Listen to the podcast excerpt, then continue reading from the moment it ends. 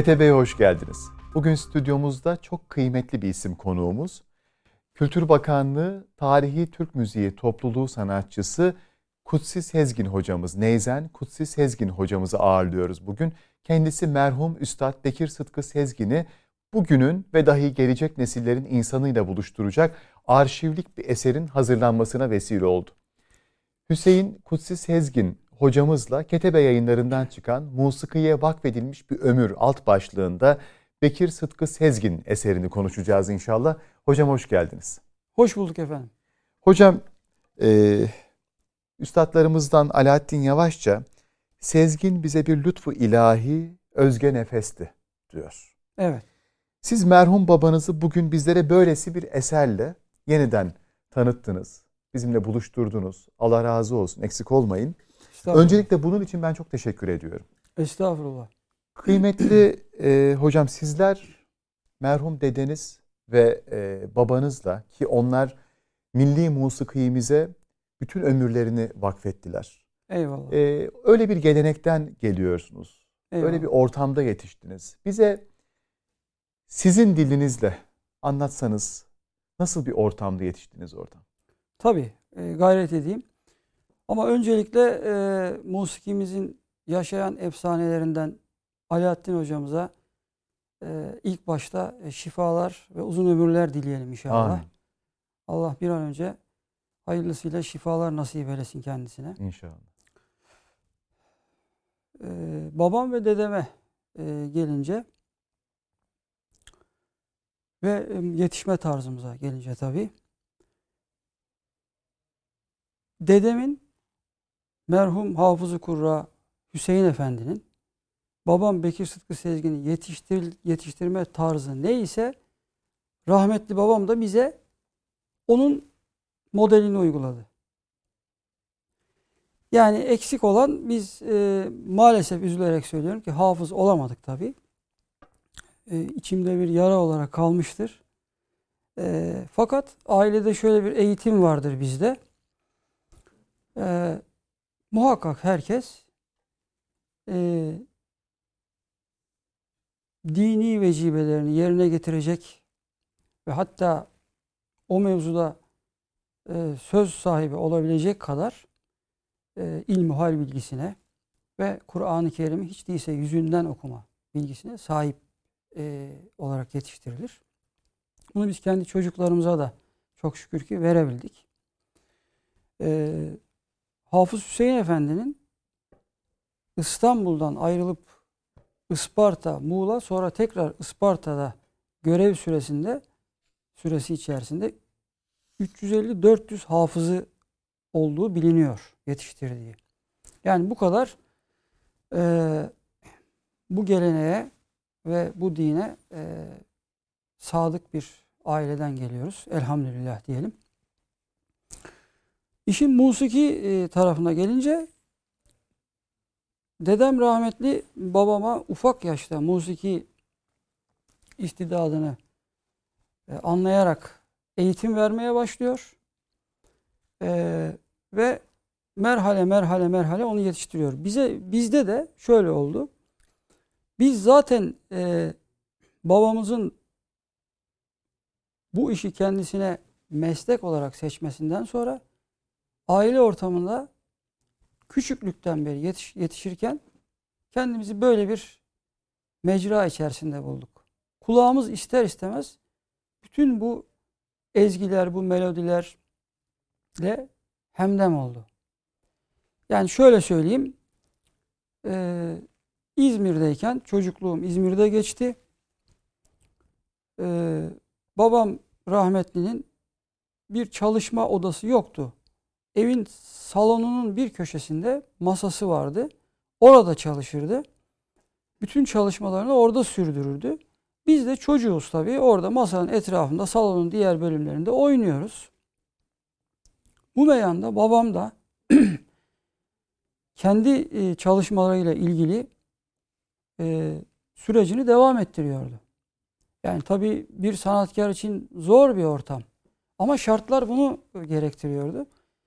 Dolayısıyla orada biz ne ilahiler, ne duraklar, ne besteler, ne şarkılar dinleye dinleye bu sesler, bu melodilerle yoğrula yoğrula daha o yaşlardan beri e, kulağımızda bu ezgilerle beraber büyüdük.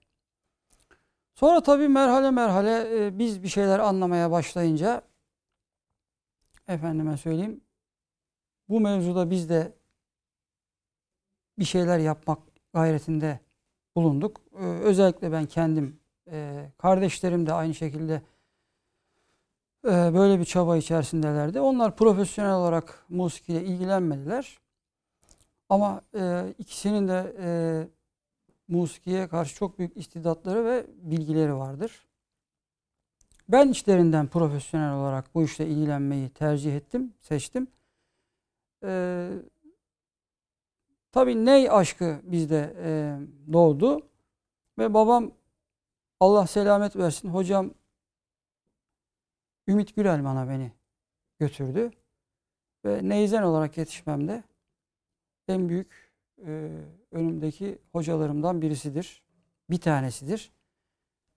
Konservatuvarda da rahmetli Fuat Türkelman hocadan meşk etmiştik.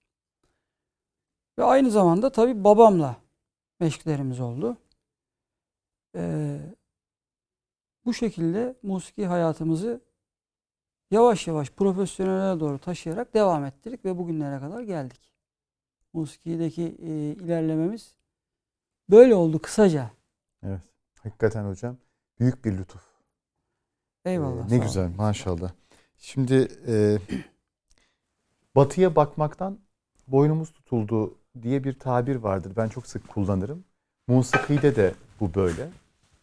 E, batıya bakıyoruz ve e, her şeyi batıdan almaya gayret ediyoruz.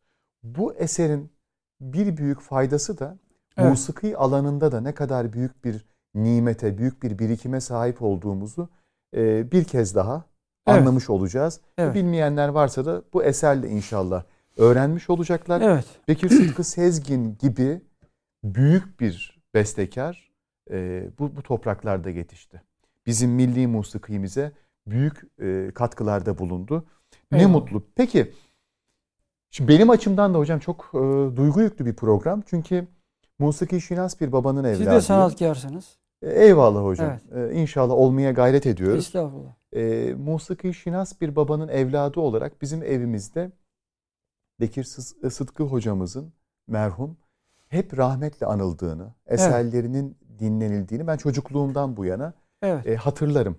Evet. E, siz birebir duydunuz sesini. Ne mutlu. Evet. Biz de o kayıtlardan e, duyduk. Şimdi ben sizinle kendisi hakkında konuşuyorum. Benim için çok e, kıymetli anlar. Eksik olmayın. E, siz de kırmadınız. Allah razı olsun. Teşrif ettiniz. Eksik olmayın. Estağfurullah. Şimdi hocam bu eser kimin fikriydi? Nasıl bir süreç yaşandı bizim elimize ulaştı? İki isim var onları da anmadan Tabii, geçmeyelim muhakkak, isterim. Evet, evet. Ahmet Sadık Hıdır ve Yasin Eker beyefendiler. Evet. Ee, onların da biliyorum e, bir hatta hoş bir hikayesi var onlarla ilgili e, bu kitabın. Evet. Sizden dinlesek hocam bu süreç nasıl gelişti? Tabii tabii. En evvela şöyle e, başlamak lazım. E, ben Bursa'da devlet korosunda şeflik görevini sürdürürken orada tabii bir muhitimiz vardı. Ee, dolayısıyla bu şahıslar içerisinde rahmetli İstanbul'dan Bursa'ya göçmüş Cahit Çollak abimiz vardı. Ee, dergah yayınlarında çalışmış. Sonra Bursa'ya geçmiş. Kendi yayın evini kurmuş. Sır ve Verka yayınları diye biliyorum ben. Bel belki başka ismi de vardır. Ee, Cahit abi Emirhan'da e, dükkanı vardı ve biz orada e, e, akşam üzerleri e, birçok zevatla beraber e, sohbet içerisinde olurduk. İlk önce Cahit abi böyle bir kitap yapmam gerektiğini bana kendisi söyledi. Ben de e, hakikaten e, bu mevzuyu e, dikkate alarak düşünmeye başladım. Kafamda bir takım şekiller oluşturmaya başladım filan. Sene böyle kaç hocam? E, sene e, ne diyeyim ben size? 2000 2007-2008'ler falan diyelim. Hmm. Ee, sonra İstanbul'a ben de görevi naklettikten sonra burada e, bu mevzuyla ilgili bir şeyler yapmak için kafamda zaten boynumuzun borcu olan bu işle ilgili bir şeyler düşünürken 2015 yılında yine bir e, ihtifaller e, Konya'daki Mevlana ihtifalleri süresinde e, Ahmet Sadık Hıdır'la tanıştık. Ahmet Sadık Hıdır'la tanışmamızın da şöyle bir ayrı bir özelliği var. Ahmet Sadık Hıdır'ın e, dedeleri e, benim hem dedemin hem babamın arkadaşı oluyor. Burada kitapta ismi olacak. Şimdi tam hatırlayamadım. Ee, şöyle bakarsak affedersiniz. İlhan Armutçuoğlu Bey. Evet kendisi Manisa müftisi idi. Ee, ve aynı zamanda da bir takım yayınlar yapan bir e, zat. Şu anda berhayat olduğunu biliyorum. Ahmet Sadık Hıdır'ın dedesidir. Hmm. Dolayısıyla Ahmet Sadık Hıdır'ın da oradan bize karşı bir e, tanışık tanı, tanı, tanışıklığı var. E, Ahmet Sadık Hıdır geldi. Dedi ki hocam biz dedi böyle böyle bir arkadaşım daha var dedi. Biz e, Bekir Hoca ile ilgili kitap yapmak istiyoruz dedi. Ben kendilerine dedim ki ben zaten yap, yapacağım ve başladım çalışmaya aşağı yukarı dedim. İstanbul'a döndüğümüz zaman e, buyurun gelin konuşalım falan diye kendilerine söyledim. Sonra dönüşte İstanbul'da 2016'ya geçtik tabii. E, Şubat ayı filandı. 2016'da kendilerine konuştuğumuz zaman ilk başta biraz ben kendilerini zorladım onların. Yani e, kolay bir şey e, olmayacağını ve e, titiz bir çalıştırma gerektireceğini, belki bu işi yapamayacaklarını falan kendilerine ilk başta bir denemek için Hmm. öyle bir şeyde bulundum e, kendilerine. Ağır bir yük. Evet. Yani onu, onu bilin Yani öyle bakalım başlayalım. nasıl bir tepki verecekler falan diye. Bir şey söylemediler. Peki hocam dediler. Tabii daha sonra aramalarını bekledim. Aşağı yukarı 20 gün bir ay sonra tekrar bir daha aradıkları zaman dedim ki bu arkadaşlarla bu iş olur, yapılır. Hakikaten de e, beraber bir yolculuğa çıktık. Güzel bir beraber çalışma sürecimiz oldu. E, kendileri çok yardımcı oldular. Allah razı olsun. Ve kitapta emekleri de vardır. E, böyle bir süreçle çalışmayı da e, ancak 4 senede tamamlayabildik biz bu çalışmayı. İki defa e, başka e, yayın evlerinden tabi istediğimiz bir e, durumda e, el vermediği için yayın açısından. Yani aynı titizliği göstermedikleri için Yani an, belki onun için değil ama hani e, mahiyetini ve e, şahsı anlayamadıkları için Hmm. belki de diyelim. E, olmadı öyle. E, nasip Ketebe'ymiş. E, Ketebe'ye çok teşekkür ediyoruz. Bütün emeği geçenlere. E, Yusuf Genç Bey'e. e, ve tüm Ahmet emekçi- Murat Bey'e ya, çok teşekkür ediyoruz. Sağ Onun olsun. çok büyük de emeği vardır hakikaten.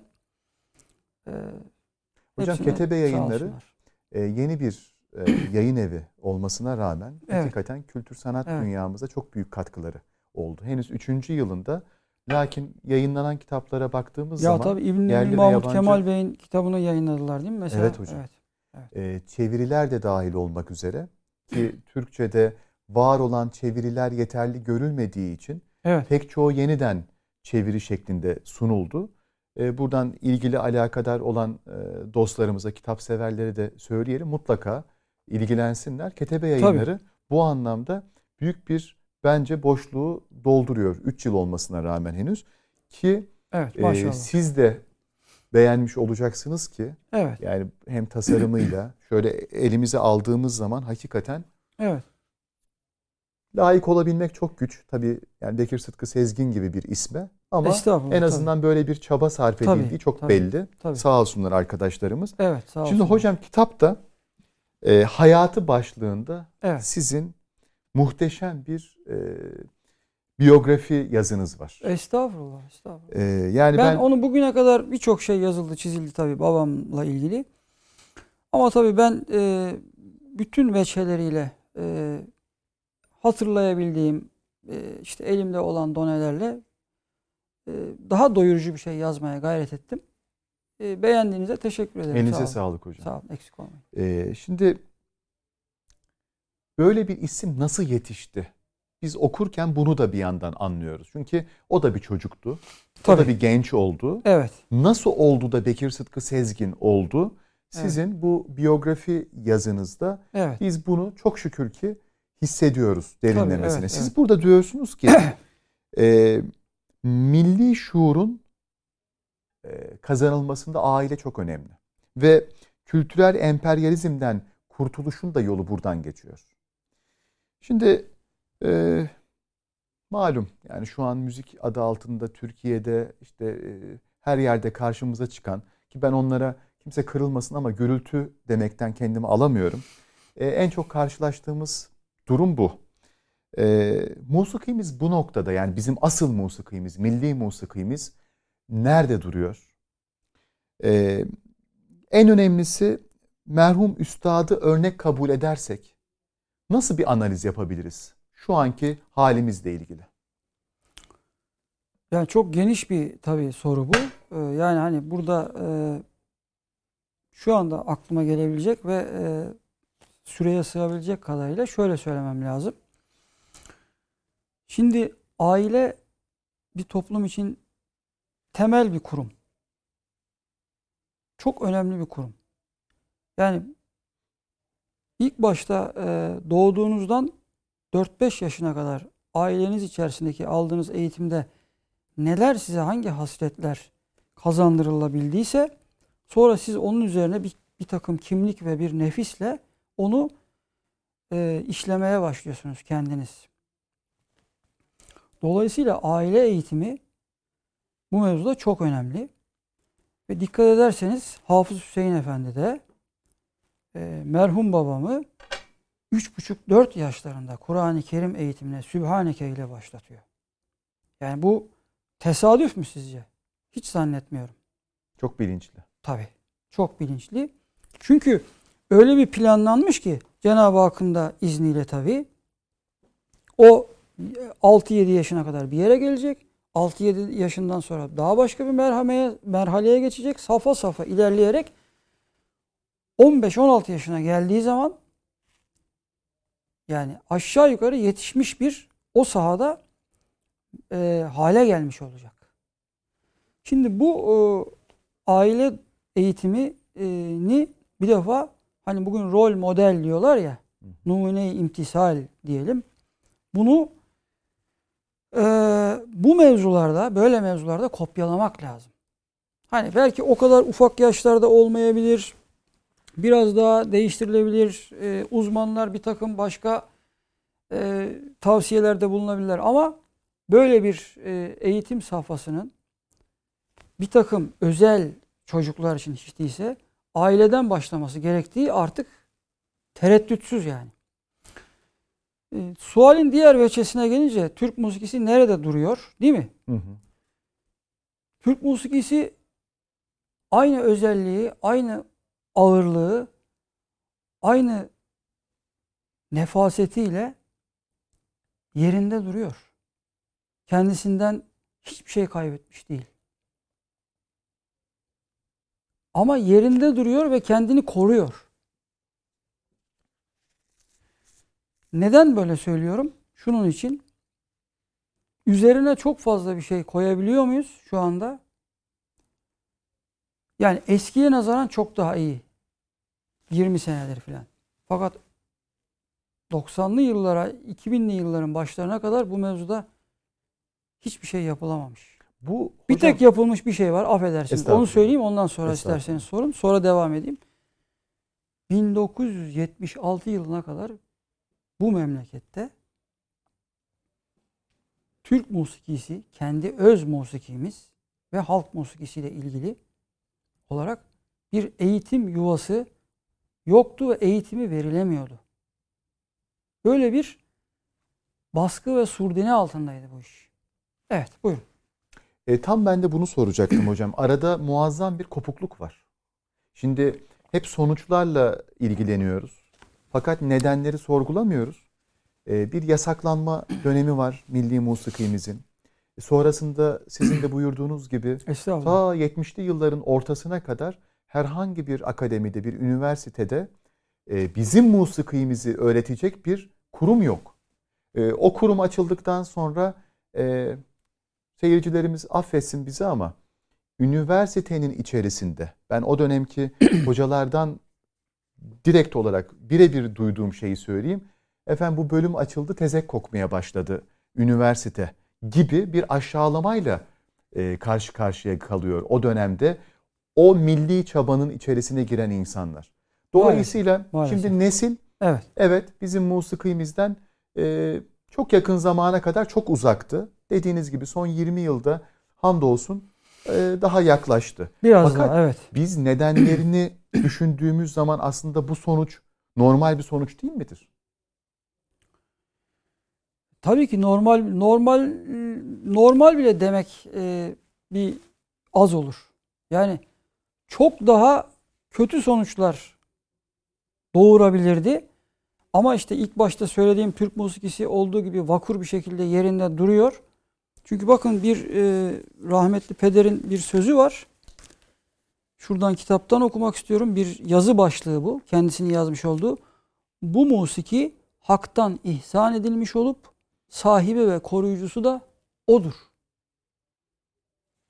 O zaman bu cümle efendim musikimizi dini bir musiki haline getirmiştir suçlamasında bulunan insanlara da bir cevap niteliği taşıyor mu hocam?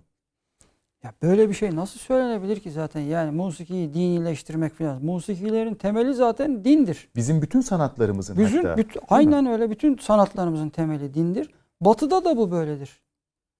Yani musikiyi dinileştirmek ne demek? Ne anlama O zaman yani? biz e, Zaten peki, tekkeden, deryahtan neşet, neşet olmuş, doğmuş eyvallah. bir musiki bu yani. Eyvallah. Biz hatta aslına rücu ettirmiştir diyebiliriz. Ezan dinlerken pop veya cazla mı dinliyorsun? Ya da ne bileyim sala e, okunurken ne ne kullanılarak okunuluyor? Konuşarak mı okunuyor? Evet. Es-salatu vesselamu aleyke ya Resulallah diye mi okunuyor salat? Salat. Her... Buraya bir musiki, bir ses lazım. Bu ses de klasik Türk musikisi. Asırlardan bugüne gelen klasik Türk musikisinin birleşmiş olan dinimiz. Belki burada anlaşılamayan şey şu olabilir hocam. Yani bugünle kıyaslanıyor olabilir. Halbuki ecdadımız sabah uyanmasıyla başlıyor dinini evet. yaşamaya. Evet. Efendim gece yatarken ve hatta muhtemelen rüyasında da dinini yaşamaya devam ediyor. Nasıl olur da bu insanlar herhangi bir şey üretirken bir zanaatkar ya da sanatkar olarak din dışında bir üretim gerçekleştirebilir? Bütün halleriyle çünkü bunu hisseden insanlar bunlar. Dolayısıyla bizim aslında bütün sanatlarımız sizin de buyurduğunuz gibi din temellidir. Tabii. Bekir hocamız da aslında rücu ettirmiştir. Belki de bu kopukluğu gidermiştir. Şimdi şöyle devam etmek isterim müsaade ederseniz. Biraz daha. Ee, burada konservatuvarın kurulmasında e, ismini e, zikretmemiz gereken merhum Ercüment Berker hocamız var. Kendisinin bu mevzuda hakikaten çok büyük çabaları olmuştur. O zamanki şartlar içerisinde Milli Eğitim Bakanlığı'na bağlı olarak konservatuvar e, kurulmuş. Sonradan da statü gereği e, İstanbul Teknik Üniversitesi'ne bağlanmıştır. Bugün İstanbul Teknik Üniversitesi Türk Musikisi Devlet Konservatuvarı olarak geçiyor. Bu ilk kurulan konservatuvarımız tabii. Ve buradan aşağı yukarı 30 seneyi aşkın zamandan beri birçok sanatkar arkadaşımız yetiştiler. İyi ki de bu konservatuvar e, faaliyete geçmiş. Eğer e, geçmemiş olsaydı şimdi daha vahim bir e, tabloyla karşılaşabilirdik bu mevzuda. Yani çok şükür ki hocam geç de olsa en azından evet. böyle bir e, telafi, atılım yapılmış. Atılım, atılım evet. yapılmış. Daha da geç evet. kalınabilirdi. Evet. Çok şükür. Evet. Hocam e, şimdi seyircilerimiz merak eder. Böyle masamın üzerinde duruyor evet. bu eser. Peki evet. içinde neler var? Ben e, biyografi kısmına e, değindim. Evet. E, sonunda bir sürprizi var Evet. kitabın. Evet. Ona değinebiliriz. E, içeriğini, bölümlerini sizden dinleyelim mi hocam? Tabii. Sonundaki sürprizi de belki açıklarsınız seyircilerimize. Evet. Şimdi e, önce e, bizim işte biyografi yazımızdan sonra e, aile aileden yazılar var. E, annem Sibel Hanım'ın, Hasan Siyami Bey'in erkek kardeşim Hümeyra Bayraktaroğlu Hanım'ın ve e, babamın tek torunu olarak görebildiği hayattayken bizim Sıtkı Eren'in, benim evladım Eren'in yazıları var. E, ve tabii Alaaddin Yavaşça hocamızın yazısıyla başlıyor. E,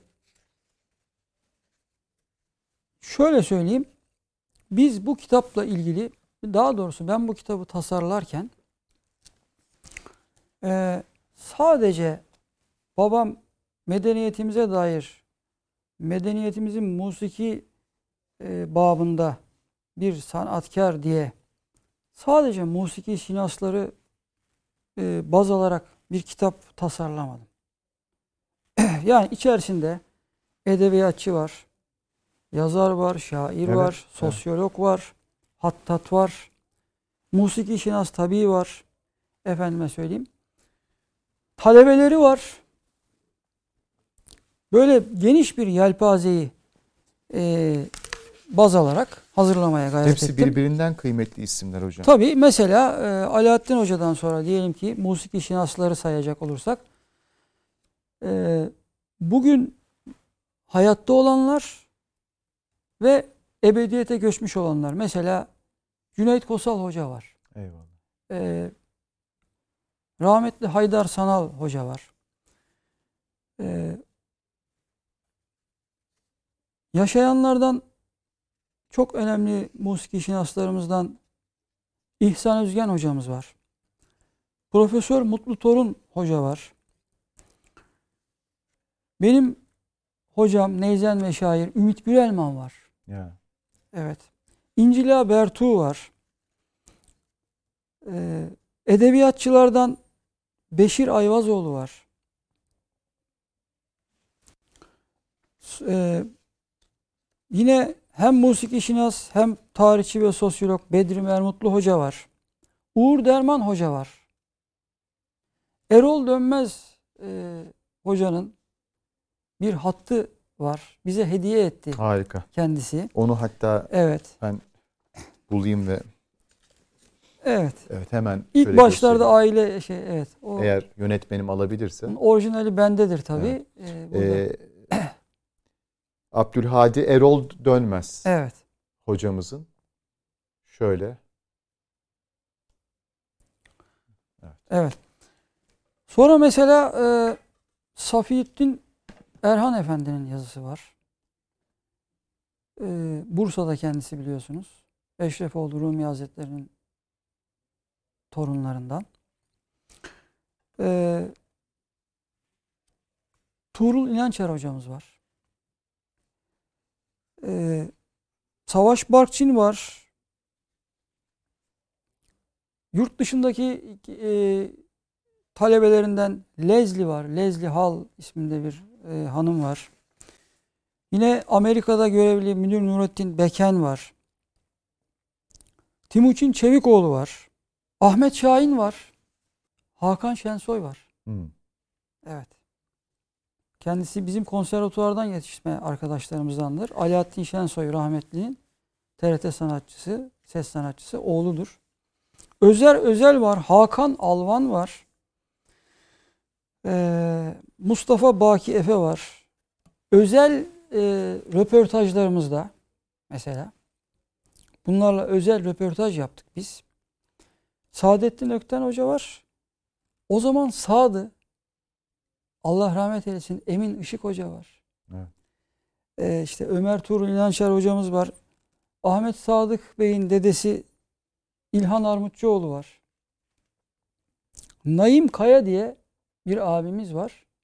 Babamın İzmir'den talebeliğini yapmış sayılır. Her mevlidinde yanında bulunan, her okuduğunda kayda alan, e, şu anda 70 küs- küsür yaşında bir abimiz. Fakat dinlediğiniz zaman aynı Bekir Sıtkı Sezgin tavrını buluyorsunuz kendisinde. O zevki buluyorsunuz. Sıhhat, afiyet diliyoruz o zaman. Amin inşallah. inşallah. E, Necati Çelik Hoca var, Sadrettin Özçimi Hoca var, İhsan Özer var malumunuz. E, yazarlarımız böyle. Ayrıca kendi kaleminden bölümünde Kök dergisinde ve diğer başka dergilerde kendisiyle yapılmış ve gazetelerde yapılmış röportajlar ve yazılar var. Bunlar önemli şeyler. Ee, kendisi için yapılmış tezlerden örnekler var. Kendisinin yaptırmış olduğu yürütmesini e, yapmış olduğu, yürütücülüğünü yapmış olduğu tezler var. Mesela hayattayken bir tane en önemlilerinden birisi talebelerinden İsmet Olgaç Bey'in kendi nezaretinde yapmış olduğu bitirme ödevi var. İstanbul Teknik Üniversitesi'nin akademik çalışmaları içerisinde yer alıyor. Bütün bunları Ee, barındırıyor içerisinde. Evet. Ve en sonunda da kitabın tabi fotoğraflar, e, belgeler, e, konser e, programları. Mesela Bu arada baskı Cahit Zarifoğlu Bey'in Çok güzel olmuş baskı kalitesi Evet. de bunların. Evet. Böyle e, Evet. arşivinizden evet. muhtemelen aile arşivinizden. Tabi evet bizim kendi arşivimizden. Evet. Cahit Zarifoğlu Bey'in Allah rahmet eylesin Mavera dergisini çıkarttığı zaman ilk göndermiş olduğu ilk sayısının takdim mektubu var. Hı hı. Ee, ve ilk sayısının resmi var burada. Ee, ayrıca küçük bir bibliografya bölümü var. Kendisiyle yapılmış bütün e, şeyleri toplamaya gayret ettik. Ve en sonunda da şöyle söyleyeyim. Yani 3 CD'lik falan kaydı var. O da işte sürpriz kısmı Evet. kitabın. Evet. Efendim kitabı okuduk, belgeleri inceledik. Ee, bir yandan da bir barkod okutma sistemi var Evet. kitabın sonunda. O barkodu okutuyorsunuz e, telefonunuza. QR Sonra- kod diyorlar ya şimdi. Evet. Anında neye bağlanıyoruz? O esere bağlanıyoruz. O eseri dinlemeye başlıyoruz. Yani bir yandan eseri okuyoruz, kitabı.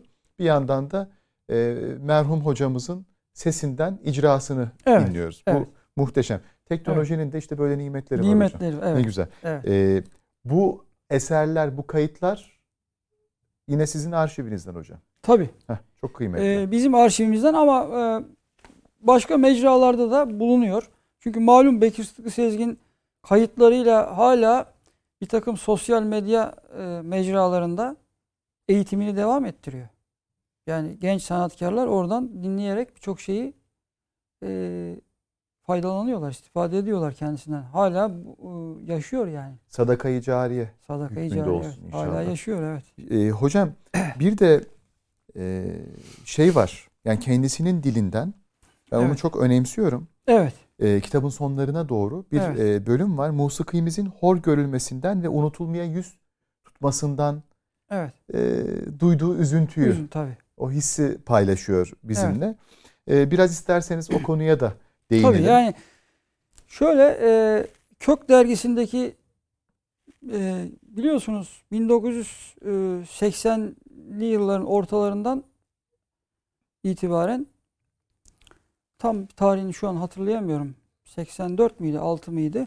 Kök dergisi diye bir kültür ve sanatta Kök dergisi diye bir e, yayın çıkarttı babam. Böyle bir E, yayıncı tarafı da var. Evet, aynı zamanda e, şu anda berhayat olan e, Marifet Yayınları sahibi Ömer Ziya Belvenanlı Bey ile beraber çıkardılar. e, kitapta Ömer Ziya Bey'in de e, yazısı var. E, bu yazının içerisinde o bahsetmiş olduğunuz e, hor görülen musikimiz diye e, tabir edilen e, başlığı olan yazı Kök dergisinde yazmış olduğu yazılardan bir tanesi. O Kök dergisi e, halen biliyorsunuz bir külliyat halinde e, aranıyor Hı hı. ve içerisinde çok önemli şahıslar var. Ben bu mevzuda Nihayet dergisine de bir röportaj verdim. E, arkadaşlar sordular. Orada bahsettim kimler olduğunu içlerinde. Şimdi orada yazılmış bir yazı. Orada e, zannediyorum e, yanlış hatırlamıyorsam şöyle söylüyor. Yani bir takım e, gelişmiş ve gelişmekte olan batılı ülkeler e, kendi özlerine sahip çıkarak e, musikilerini ve e, diğer medeni e, taraflarını e, kendileri hor görmeden, kendileri e, e, kendilerinde bir aşağılık kompleksi yaratmadan sahip çıkmışlar ve e, korumuşlar. Ama bizde nedense bir kompleks içerisine girilme ve e, bundan aşağılık kompleksi duyulma gibi, bundan adeta bahsetmekten dahi bir e, tarz olduğunu bahsediyor ve bunun ne kadar yanlış e, şeylere sebebiyet vereceğini, nesillere aktarılmamasının ne kadar yanlış olacağını, kuşaklarda intikal ettirmemesinden doğabilecek kültürel erozyonlardan bahsederek e, bir sitayişte bulunuyor bu yazıda.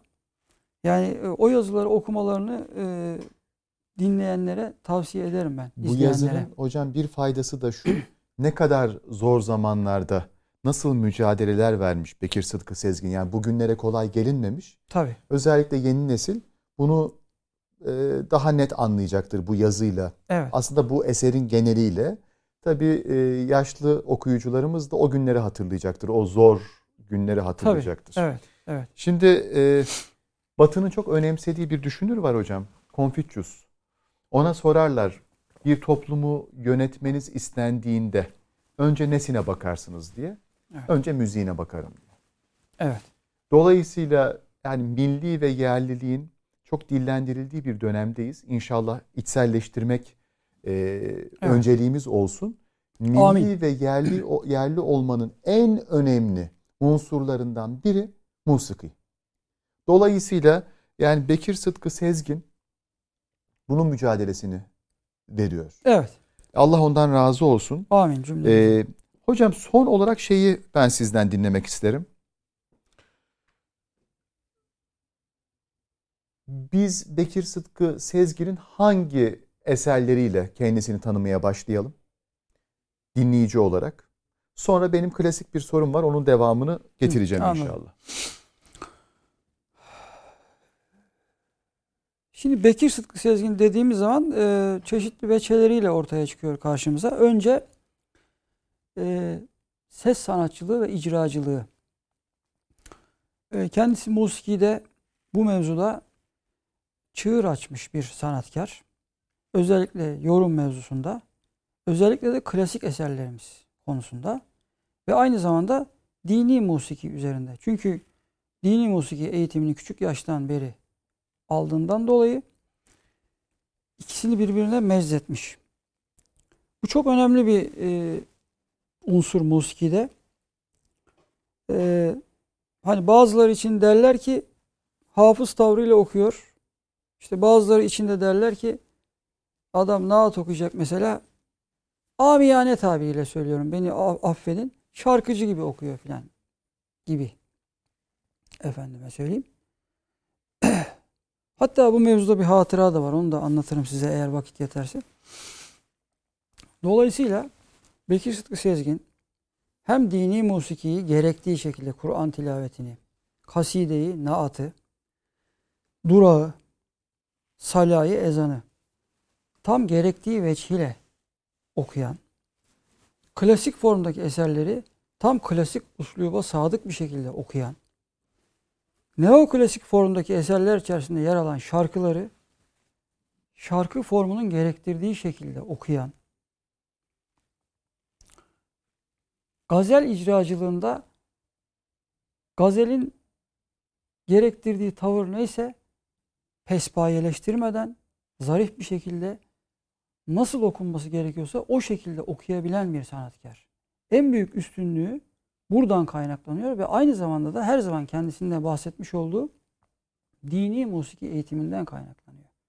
Çünkü şöyle söylüyor yani dini musiki, Türk musikisinde eğer dini musiki eğitimi almamışsanız 1-0 yenik başlarsınız. Almışsanız 1-0 galip başlarsınız diyor.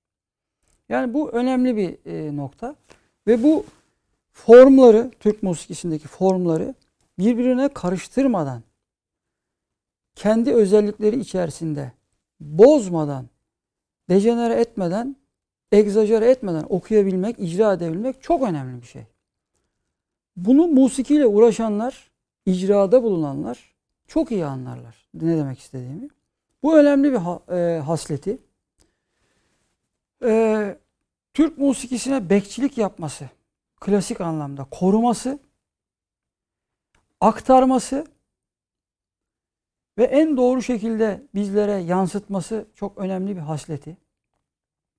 Bu mevzuda yazmasıyla, çizmesiyle, konuşmasıyla, yapmış olduğu röportajlarıyla, vermiş olduğu gazete e, röportajlarıyla, dergi röportajlarıyla yayıncılığı ayrı bir hasleti. E, şu an aklıma gelebilen bunlar. Yani değişik veçelerden çok önemli hasletleri olan bir sanatkar. Ee,